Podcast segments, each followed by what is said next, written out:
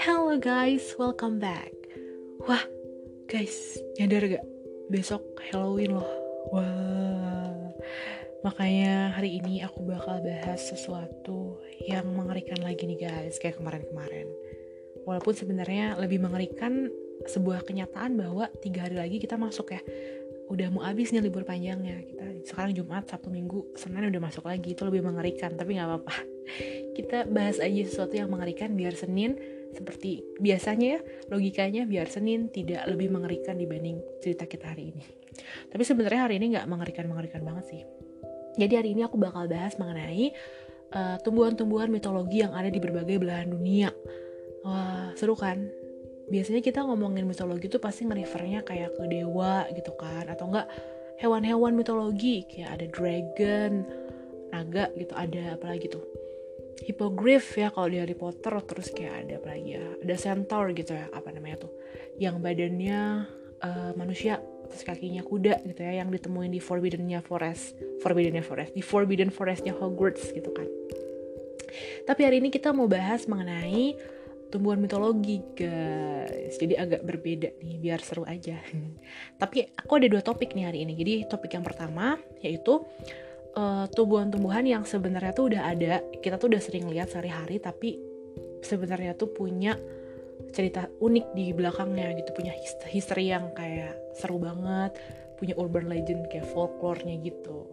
Nah bagian yang kedua nanti adalah tumbuhan-tumbuhan mitologi yang keberadaannya pun masih dipertanyakan sama banyak orang di dunia gitu jadi kita mulai aja ke cerita kita yang pertama nah di bagian pertama ini tadi udah aku bilang juga, aku bakal bahas mengenai tumbuhan-tumbuhan yang udah sering kita lihat sehari-hari tapi ternyata punya cerita unik di belakangnya. Tumbuhan pertama ini adalah yang bakal kita bahas adalah rajanya buah. Apa coba guys? Ya, betul sekali, mangga. Uh, jadi mangga ini disebut sebagai rajanya buah gitu dan dia tuh punya sejarah yang tidak kalah menarik gitu. Jadi gini, ini adalah sejarah mangga. Jadi suatu hari di dunia ini mungkin dulu banget gitu ya, zaman dulu banget ada seorang gadis yang paling cantik di bumi dan ternyata gadis itu adalah the daughter of the sun, jadi anak perempuan dari matahari. Aku juga nggak ngerti gimana ceritanya anak perempuan matahari bisa nemplok di bumi, tapi nggak apa-apa kita lanjut aja. Nah kemudian si anak perempuan matahari ini tuh nikah nih sama the mighty king gitu. Seorang raja yang ada di bumi dan mereka akhirnya kayak living happily ever after kayak udah hidup bahagia selamanya. It's tapi nggak selamanya.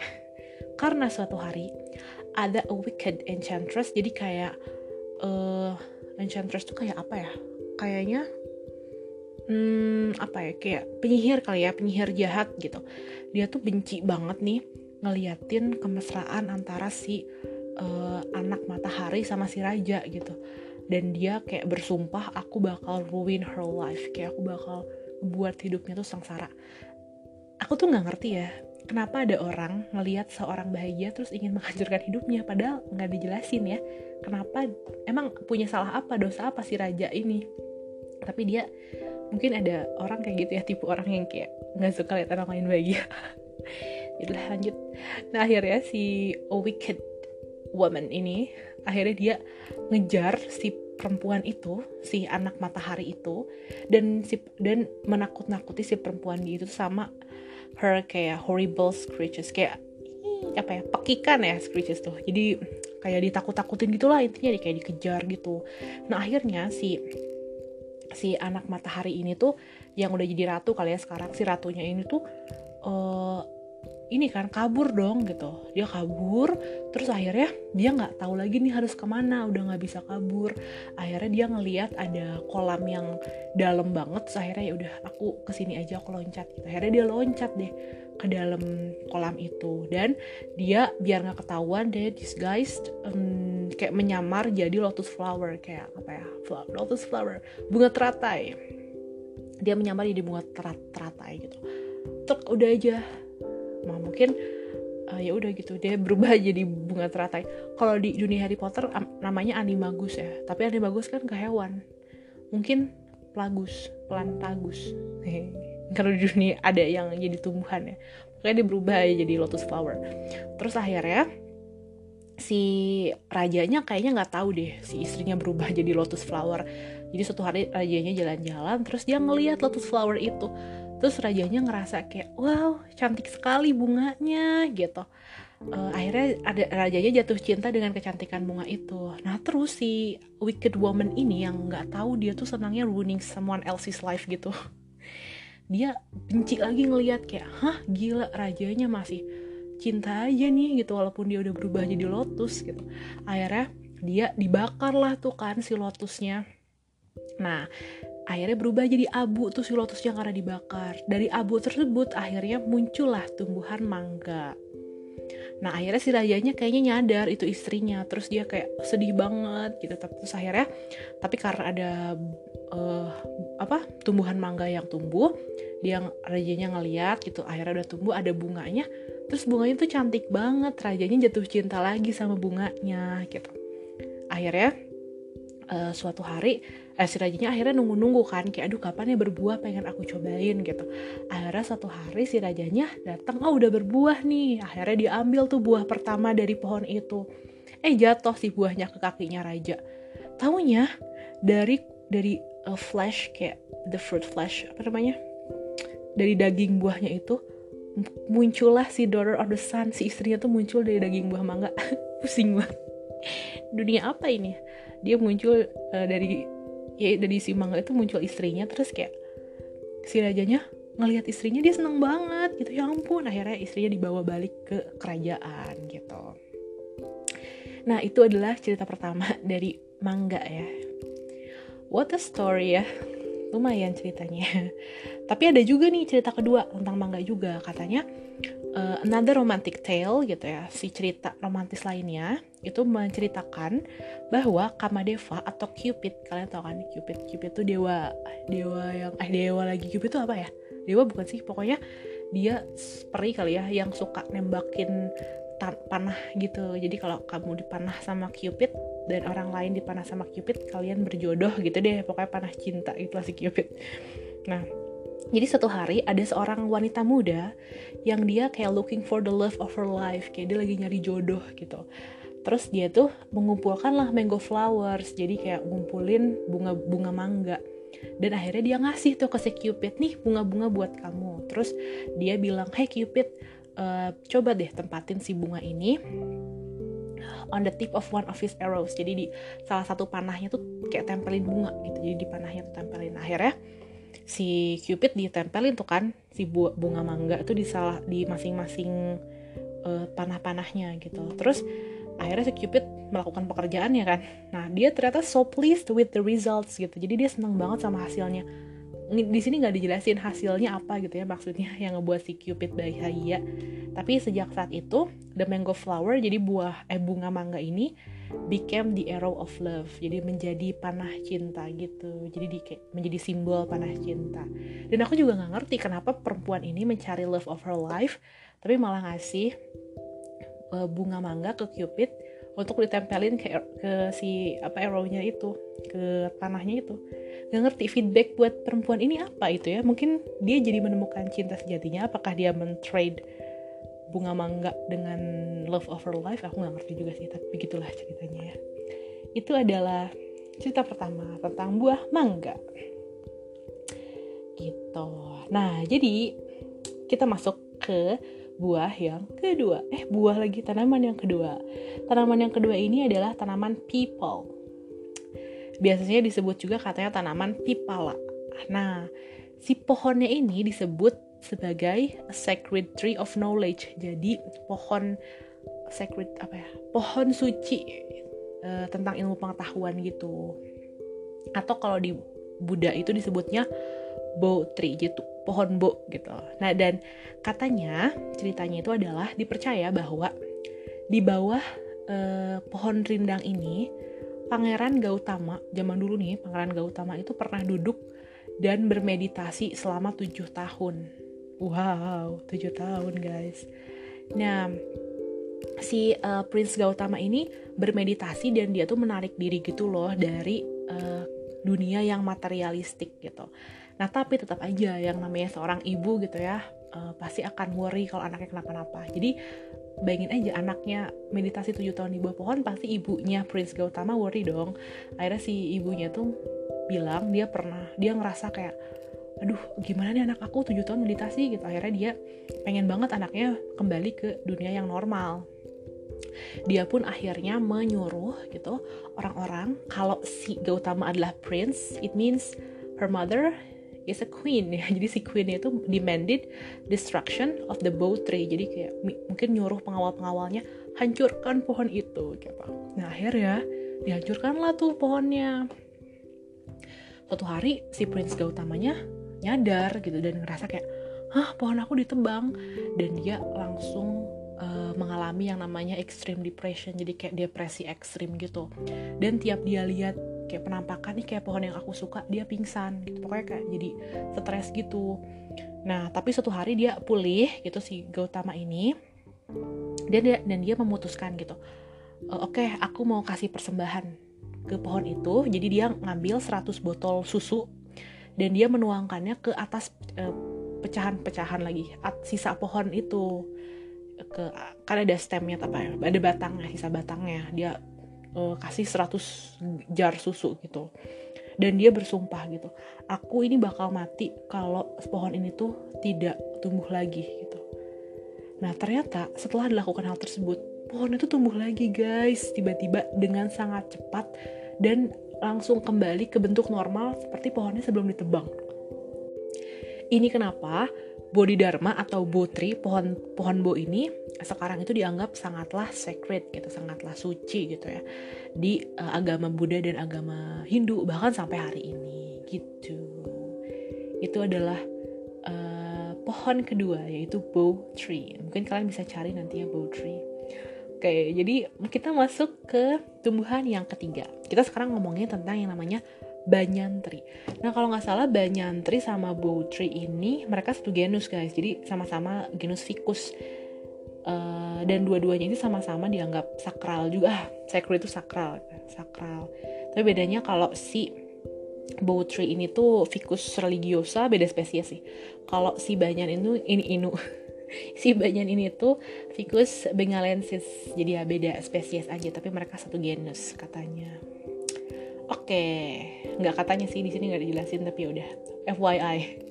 Oke, jadi selanjutnya kita bahas nih dengan genus yang sama dan dengan uh, kes kesakralan yang sama gitu kita masuk ke pohon yang ketiga yaitu pohon banyan. Jadi sama seperti peple gitu ya. Peple tree tadi people, bow tree. Si pohon banyan ini juga memiliki uh, apa ya peran yang sangat sakral gitu dalam mitologi India. Katanya si uh, di surga sana tuh ada banyantri gitu. Jadi banyantri ini adalah pohon yang emang ada di surga gitu. Yang mana itu merupakan uh, di bawahnya itu tempat lahirnya uh, Dewa Wisnu. Nah, dipercaya juga kalau Dewa Wisnu itu dulu bermain-main bi biasa bermain-main di kaki uh, Great Banyan di luar Mount Govardhana gitu. Jadi si Banyantri ini juga sama disebutnya Tree of Knowledge Oke, karena si pohonnya ini tuh oh, mungkin karena jenisnya sama ya, mungkin Oke, wait, wait a minute. Aduh, aduh, aduh salah nih aku salah pencet. Maaf ya guys. Ah, ini salah pencet lagi nih. Oke. Mm -hmm. Pokoknya pohon ini dikenal sebagai pohonnya orang-orang yang suci gitu. Nah, oke baik lagi. Jadi si pohon banyan ini uh, ada di pinggiran uh, river, di pinggiran sungai Narbuda dekat Surat dan disebut juga sebagai uh, oldest banyan tree in India. Oke, okay, jadi gini ada uh, there is the oldest banyan tree in India yang lokasinya itu di uh, sebelah River Nerbuda dekat dekat Surat gitu. Dan katanya itu usianya itu udah 3000 tahun, guys. Dan selama 3000 tahun itu dia tidak pernah uh, disentuh oleh logam atau dipotong gitu. Jadi kayak remain intact gitu loh for like 3000 years kayak wow. Nah, Chinese Buddhists jadi orang-orang Buddha uh, Cina itu percaya bahwa Buddha itu duduk di bawah Banyantri dan faces east jadi menghadap ke timur gitu di mana uh, eh, ketika dia itu di venerated oleh uh, um, dewa Brahma kayak di apa ya berikan penghormatan kayak di blessings gitu ya diberikan blessings gitu ya di blessed oleh si uh, Lord Brahma apa namanya dewa Brahma gitu. Jadi keduanya ini uh, si Bow Tree sama Banyantri sama-sama Tree of Knowledge yang sangat sakral ya di baik di Buddha maupun Hindu gitu ajaran Buddha maupun Hindu. Gitu guys. Oke okay. selanjutnya kita masuk ke pohon yang keempat yaitu rosemary nah ini menarik nih guys. Kalian harus dengerin ya untuk yang mencari jodoh ya. Jadi sebuah legenda Italia itu mengatakan bahwa uh, suatu hari seorang ratu itu dia lagi walking in the in her garden gitu. Dia lagi jalan-jalan di uh, kebunnya dia gitu. Nah sedihnya itu si ratu ini tuh sebenarnya udah mengalami suatu masalah yang membuat hidupnya tuh menderita yaitu dia tuh nggak punya anak aja dia tuh infertil gitu makanya dia tuh sambil jalan-jalan suatu hari di gardennya dia nangis sambil nangis gitu karena mengingat her infertility kayak aduh aku tuh mandul segala macam gitu Nah uh, akhirnya gitu dia dia berhenti dan dia melihat sebuah raspberry bush gitu. Jadi kayak um, apa namanya kayak uh, apa namanya ya udah bush full of rosemaries gitu ya. Dan dia tuh berharap kayak dia tuh meminta berdoa kayak ya Tuhan gitu. Aku harap aku bisa uh, sesubur ini gitu ngelihat kan rosemary di mana-mana gitu kan. Akhirnya Suatu hari dia tiba-tiba melahirkan guys. Tahu nggak yang dia lahirkan apa?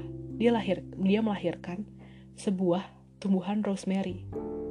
Jadi katanya kalau di sini uh, she gave birth to a small rosemary plant.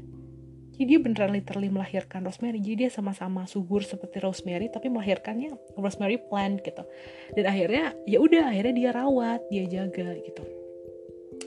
Nah, se uh, keponakannya dia yaitu seorang raja Spanyol, the King of Spain, raja Spanyol, akhirnya mencuri tuh si tumbuhan itu, si rosemary yang dilahirin sama si ratu dan sama dia itu di uh, apa namanya?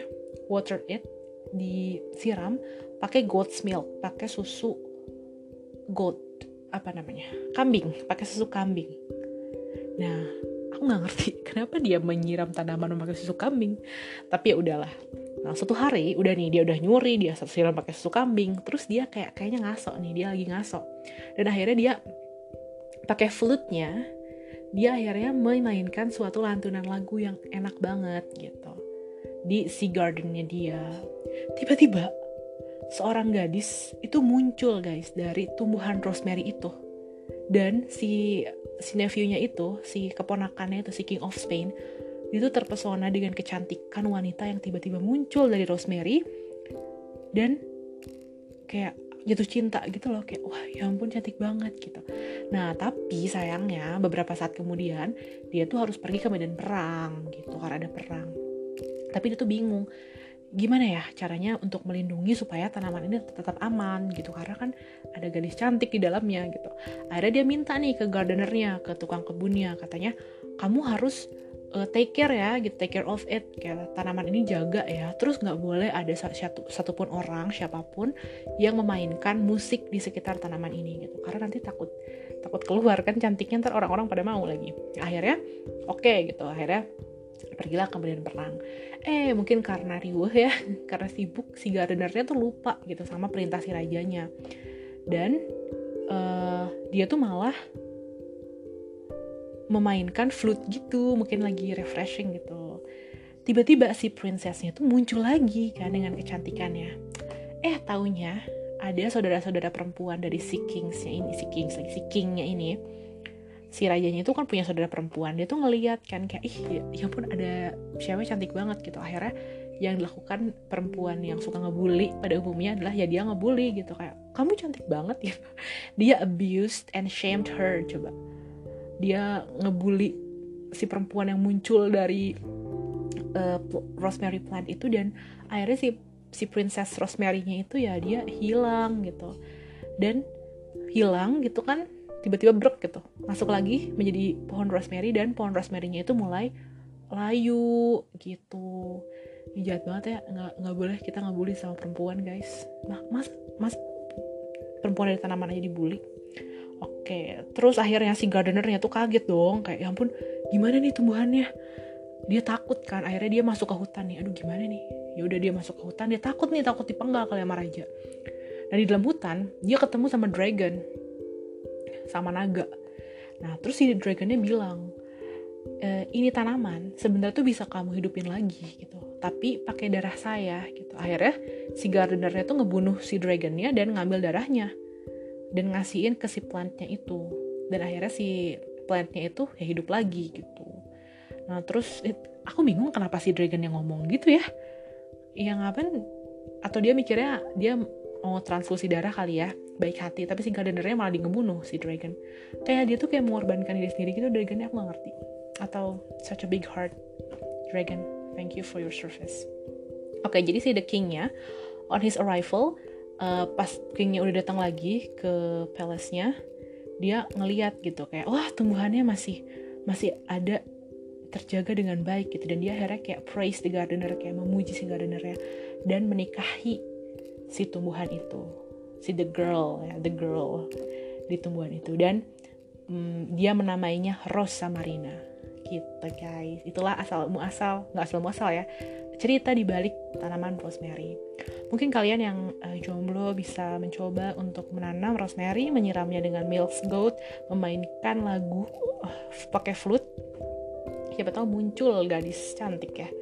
Itu bisa diterapkan juga ya di rosemary plants come here. Sini. Mau ikut? Nah itu adik aku ya guys. Iklan lagi. Oke selanjutnya adalah tanaman kelima yang akan aku bahas adalah tanaman banana atau pisang.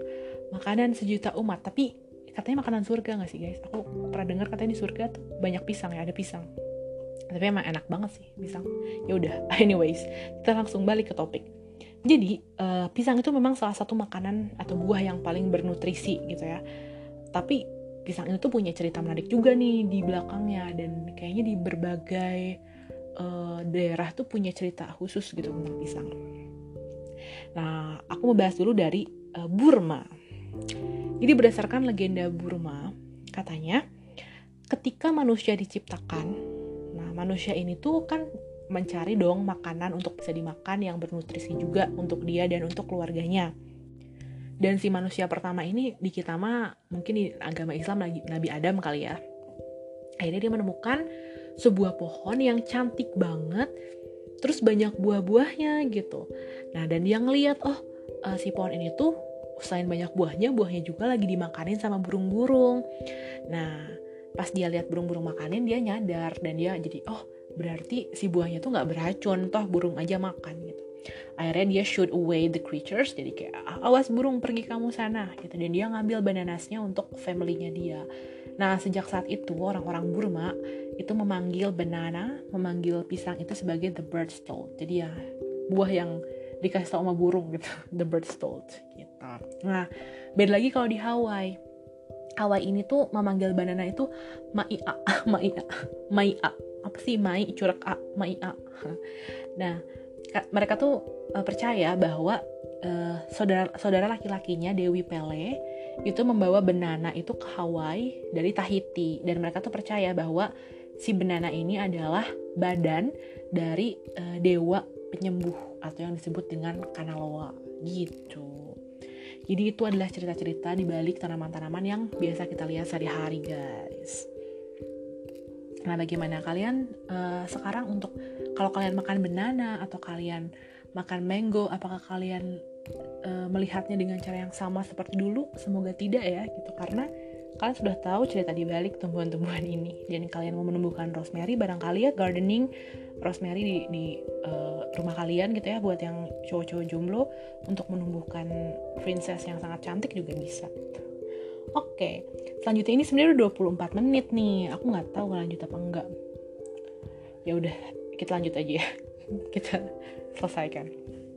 Uh, jadi hari uh, aku akan lanjut dengan uh, 7 bagian yang kedua tadi kan aku udah cerita kalau ini tadi awalnya adalah tumbuhan-tumbuhan yang kita lihat sehari-hari tapi dia punya cerita menarik di belakangnya nah kalau sekarang aku beneran mau ngomongin mythological plants jadi tumbuhan-tumbuhan yang cuma ada di dunia mitologi tapi bisa jadi ada di dunia kita guys. Oke jadi biar cepet aja nih ya. Yang pertama karena ada tujuh.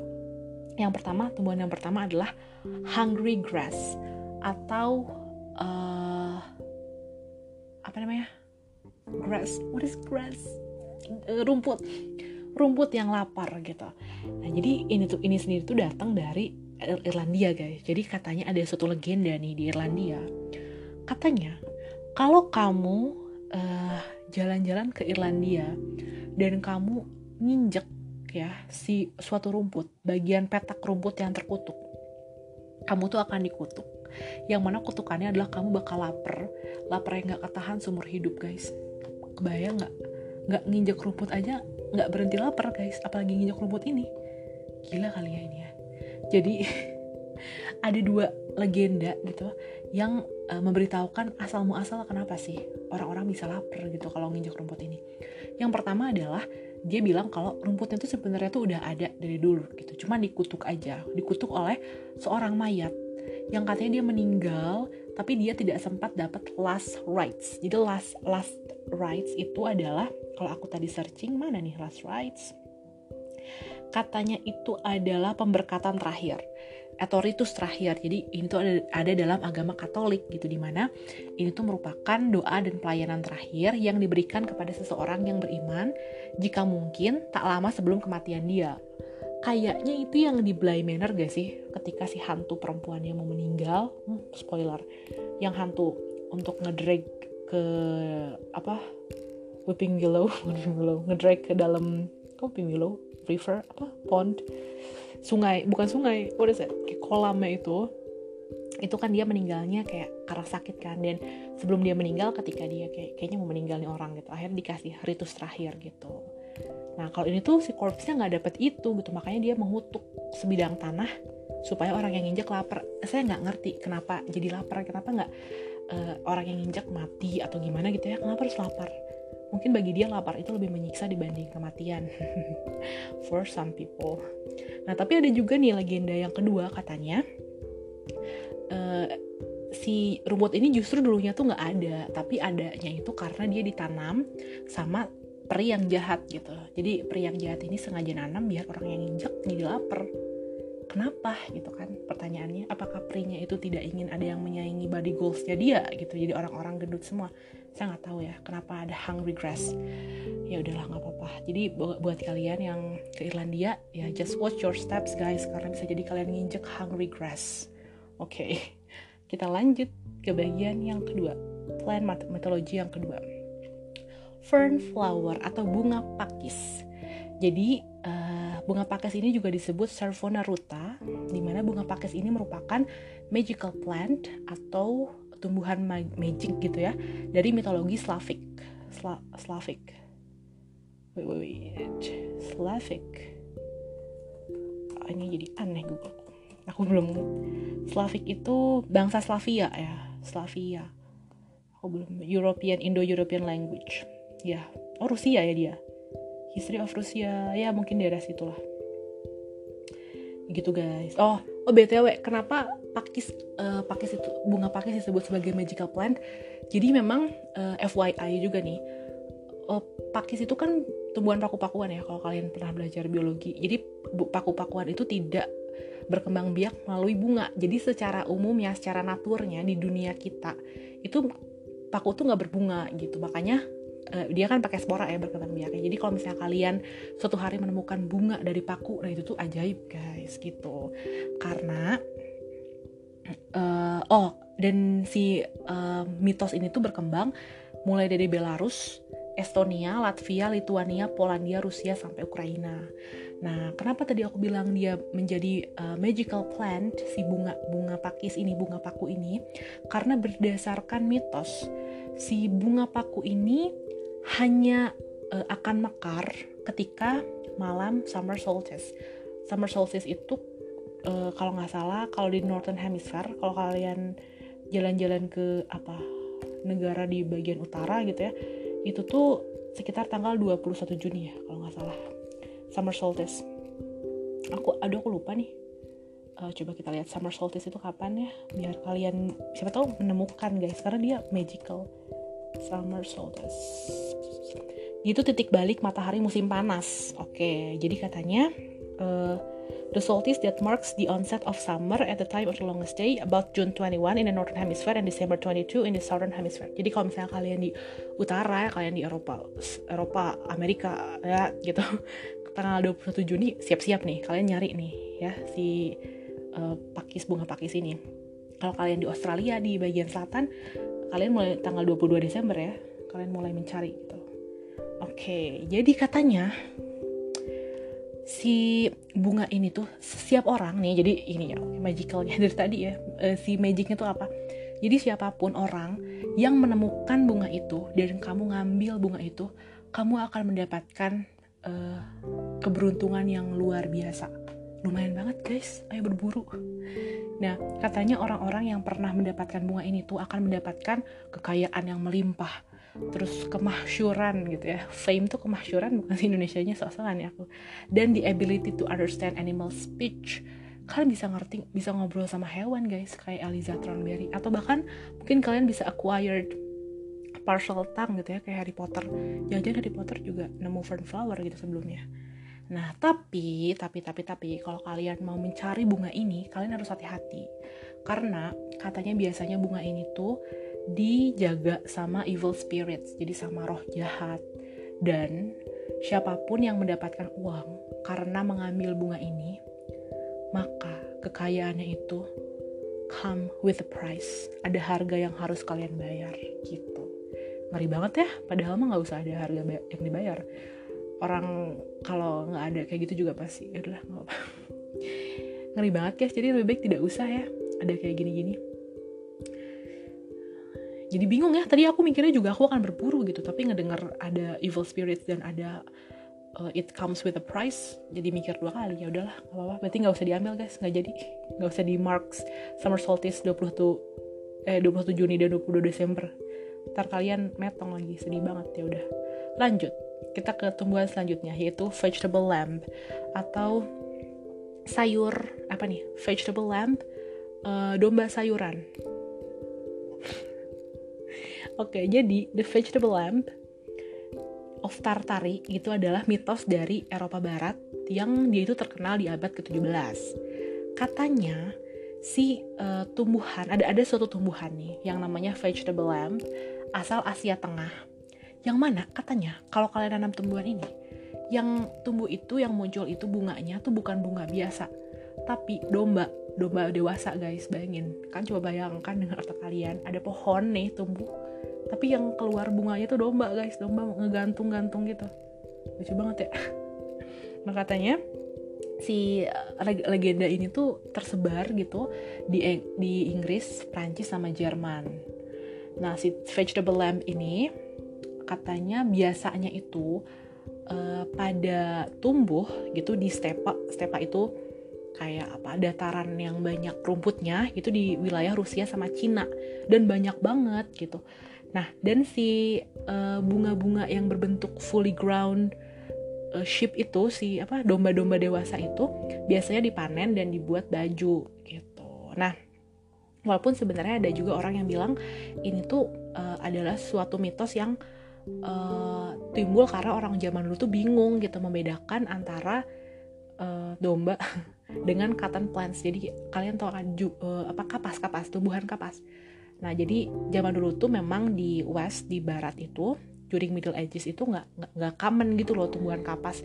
Jadi orang mikirnya, oh jangan-jangan uh, ada yang bilang nih teman aku katanya kalau di daerah sana dipanen kapas untuk untuk buat baju gitu. Sedangkan mungkin mereka familiarnya dengan perasaan baju mah dari kulit domba gitu kan, dari apa uh, bulu domba gitu. Jadi mereka pikir, wah berarti jangan-jangan tumbuhannya di sana tuh domba gitu kan. Jadi mulailah isu itu tersebar. Bisa jadi ya bisa jadi kayak gitu.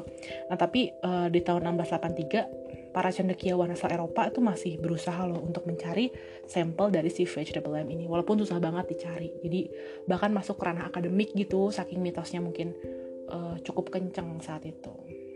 Gitu guys. Jadi kalau kalian nemu jalan-jalan gitu kan di uh, Rusia, Cina gitu ke stepa ada tumbuhan yang bunganya itu shape gitu boleh ya dibawa di foto minimal dibuat instastory guys. Jadi orang-orang bisa tahu.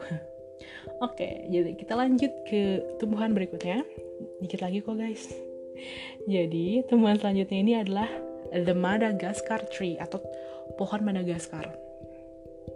Jadi pohon Madagaskar ini merupakan suatu berita gitu ya. Bilangnya hoax sih. Tapi aku nggak tahu. Pokoknya berita ini uh, cukup terkenal di akhir abad ke-19 oleh seorang Jerman explorer namanya Karl Lisch. Nah, si Lisch ini seorang apa nih? petualang asal Jerman, dia mengklaim dia pernah melihat suatu uh, seremoni, suatu upacara religius yang dilakukan oleh orang-orang suku pedalaman Madagaskar, di mana mereka itu mengorbankan manusia, yang mana manusianya itu dikasih makan ke ke man eating tree jadi ke pohon pemakan manusia gitu loh guys. Nah katanya tuh si pohonnya itu dideskripsikan terlihat seperti giant Venus flytrap. Kalau kalian tahu Venus flytrap itu adalah tumbuhan pemakan lalat ya. Kalian google aja deh Venus flytrap. Di Indonesia ada kok aku pernah lihat di kebun raya Bogor kalau kalian penasaran. Kantung semar beda ya sama kantung semar tuh. Uh, wait a minute. Venus aku pernah lihat. Oke kalau bentuknya kan gede gitu ya. Kalau Venus flytrap kalian bisa google aja sebenarnya sih. Kayaknya beda deh. Mereka sama-sama uh, mereka sama-sama carnivore cuman oh beda-beda ya. Uh, aku belum research ininya sih hmm, spesiesnya sama atau enggak. Dia Nepenthes nama ilmiahnya. Kalau Venus flytrap dia oh beda ya. Dia Dionea muscipula. Kalau si kantung semar Leventas tapi kalau kalian penasaran um, buka aja deh uh, Venus flytrap di Google pasti ada. Bentuknya kayak Venus flytrap tapi gede banget. Sampai bukan lalat lagi yang dimakan guys tapi si manusia gitu bahkan dikorbankan gitu kan sama masyarakat situ. Nah katanya itu si cabang-cabangnya itu bentuknya kayak tentakel yang uh, tebel-tebel kayak Squidward kali ya. Kayak Squidward gitu. Jadi kayak wah tentakelnya ke mana-mana gitu. Nah dan si tentakelnya itu digunakan untuk capturing prey. Jadi kayak untuk nangkep mangsa.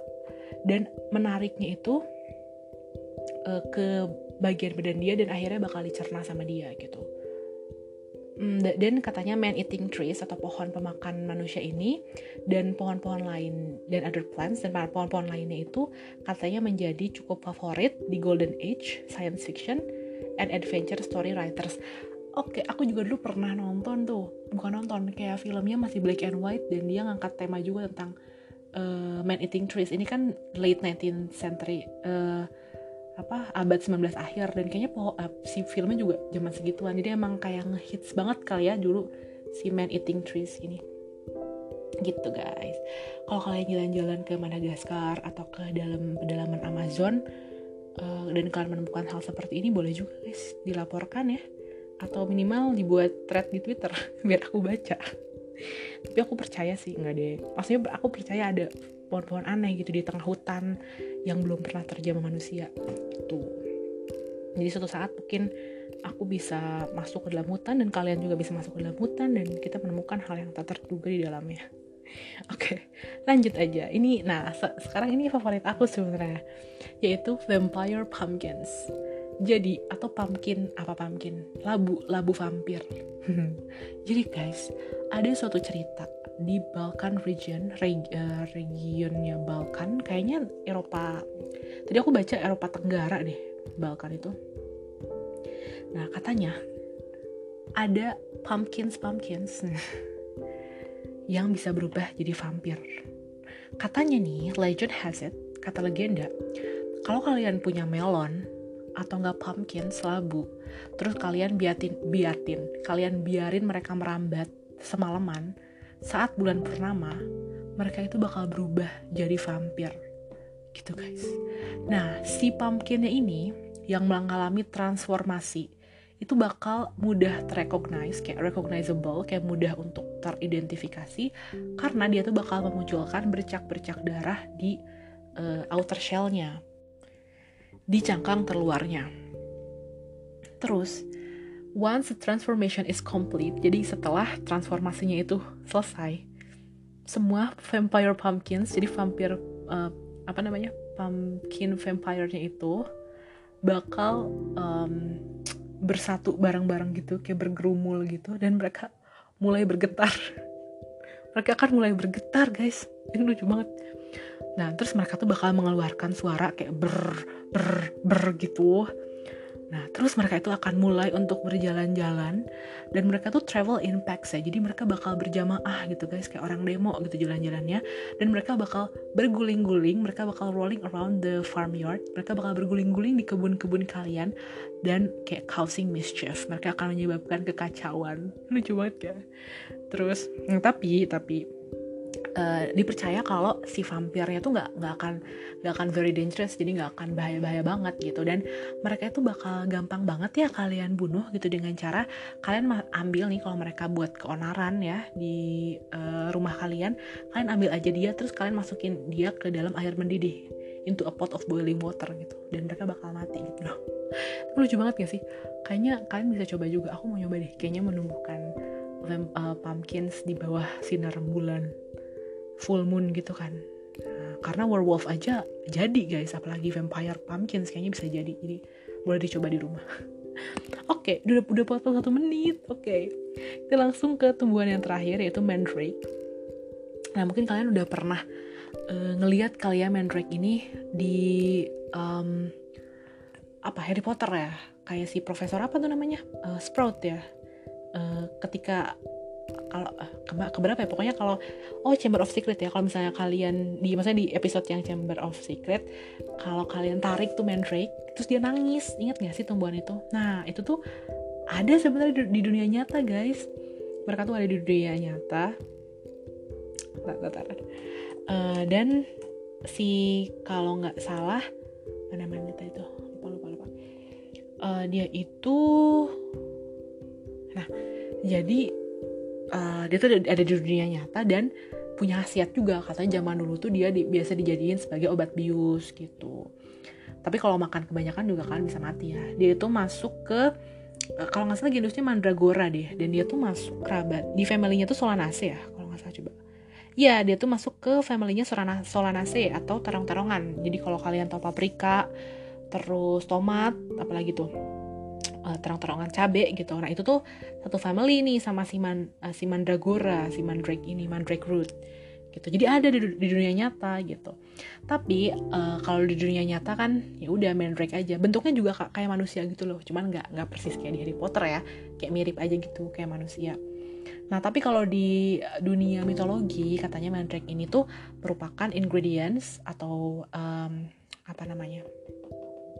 Campuran bahan lah yang cukup penting di witchcraft and magical rituals. Di ritual-ritual sihir uh, 2000 tahun yang lalu gitu.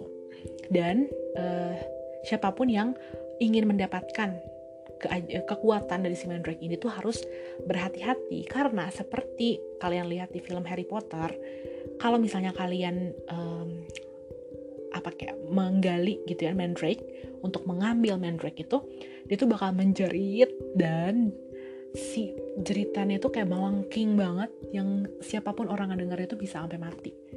Nah Neville Longbottom aja pas di Harry Potter pingsan kan dia pakai headset headset apa namanya kayak penutup telinga gitu dia pingsan. Apalagi kalian kalau tidak memakai apa-apa guys bisa mati. Makanya hati-hati kalian kalau mendap uh, mendapatkan Mandrake Root. Tapi yang magical ya. Tapi kalau Mandrake yang aslinya mah nggak apa-apa kayaknya. Oke. Okay. Nah oke jadi sebenarnya? Segitu aja guys. Ini udah 43 menit btw wow. Segitu aja pembicaraan hari ini tentang tumbuhan-tumbuhan mitologi yang mungkin kalian udah tahu, mungkin kalian belum tahu, tapi semoga ini menjadi wawasan kalian buat apa ya? Suatu saat mungkin kalian bangun dan kalian ada di dunia Harry Potter atau di dunia Middle Earth gitu ya. Kalian langsung bisa beradaptasi karena kalian sudah tahu tumbuhan-tumbuhan mitologi ini gitu ya. Jangan step on tadi apa hungry grass. Jangan mendengarkan suara mandrake yang menangis.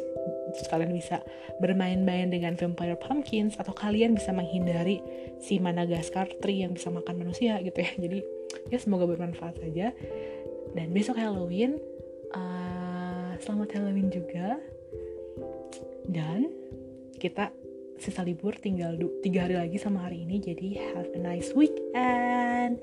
Goodbye happy Halloween. See you in the next podcast. Bye bye bye bye